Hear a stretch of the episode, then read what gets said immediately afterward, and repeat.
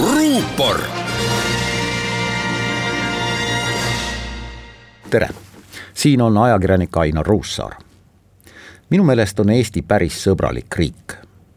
kui meenutada viiruse eelseid aastaid, siis olid jõulude ajal Tallinna vanalinna uudistamas tuhanded, kui mitte kümned tuhanded turistid Venemaalt, kes nautisid mitte ainult UNESCO pärandi hulka kuuluvat vanalinna, vaid ka euroopalikku teenindust pealegi sai siin vene keelega ikka veel üsna hästi hakkama. Venemaa numbrimärkidega keskmise sauna suurused džiibid ummistasid veel paari aasta eest Narva-Jõesuu spaahotellide esiseid parklaid.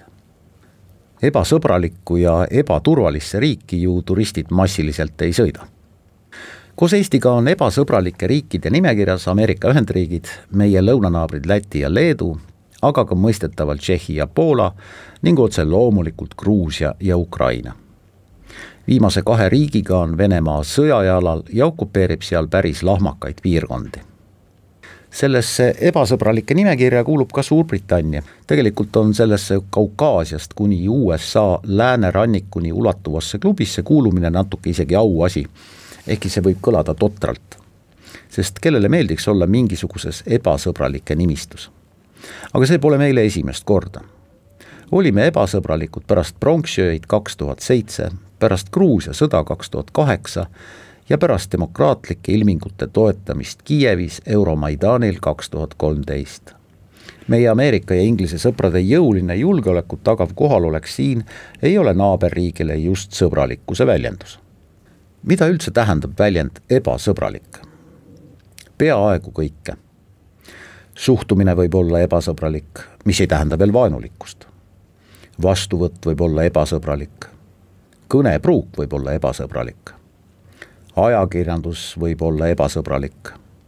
ebasõbralik võib olla nägu, ilme, pilk, hääletoon, aga sama hästi ka kütmata ruum või auklik tänav. millised siis on Venemaa eesmärgid? Neid on laias laastus kolm muidugi soovib Venemaa meedia vahendusel maalida võimalikult palju enda poliitilisse kultuuri ja keeleruumi kuuluvatele inimestele pilti ühest ebasõbralikust riigist riigist, kus näiteks tõrjutakse vene keelt ja sunnitakse vene lapsi õppima võõrast, keerulist ja väikest eesti keelt. ja panna nendest osad tulevikus turistidena valiku ette. Sama püüdis Venemaa teha juba aastate eest Gruusiaga, kuulutades venelaste hulgas ülimalt armastatud veini ja Boržomi mineraalvee mürgisteks. sellest ei tulnud midagi välja. ilmselt oleks tulutu ka Balti sprottide mürgiseks kuulutamine. venelased lihtsalt armastavad neid ja ostavad neid teiseks on nüüd Vene võimudel enda jaoks suurem moraalne põhjendus takistada ebasõbralike riikide diplomaatide, ärimeeste ja ajakirjanike tööd. Näiteks viisataotlust tagasi lükates või ebasõbralikust riigist saabunud kauba milligrammi haaval läbitollimist piiril. ja mida kõike veel selleks, et takistada majanduslikke ja isegi kultuurisuhteid kahe naabermaa ja kahe rahva vahel. kolmandaks saab Venemaa testida nüüd meie suhteid liitlastega ehk põhjalikult jälgida, kuidas suhtuvad meisse kui ebasõbralikesse riikidesse need meie liitlased, kes pole saanud märget ebasõbralik.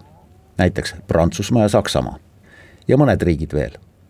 võtame seda kõike siiski kui tänast poliitikat. sanktsioonidele sanktsioonidega vastamine on siiski leebem meede kui mõned karmimad võtted ja suhtugem venelastesse sõbralikult. meil pole ju mingit põhjust neid automaatselt tänaste ebasõbralike Venemaa juhtidega samastada. ruupor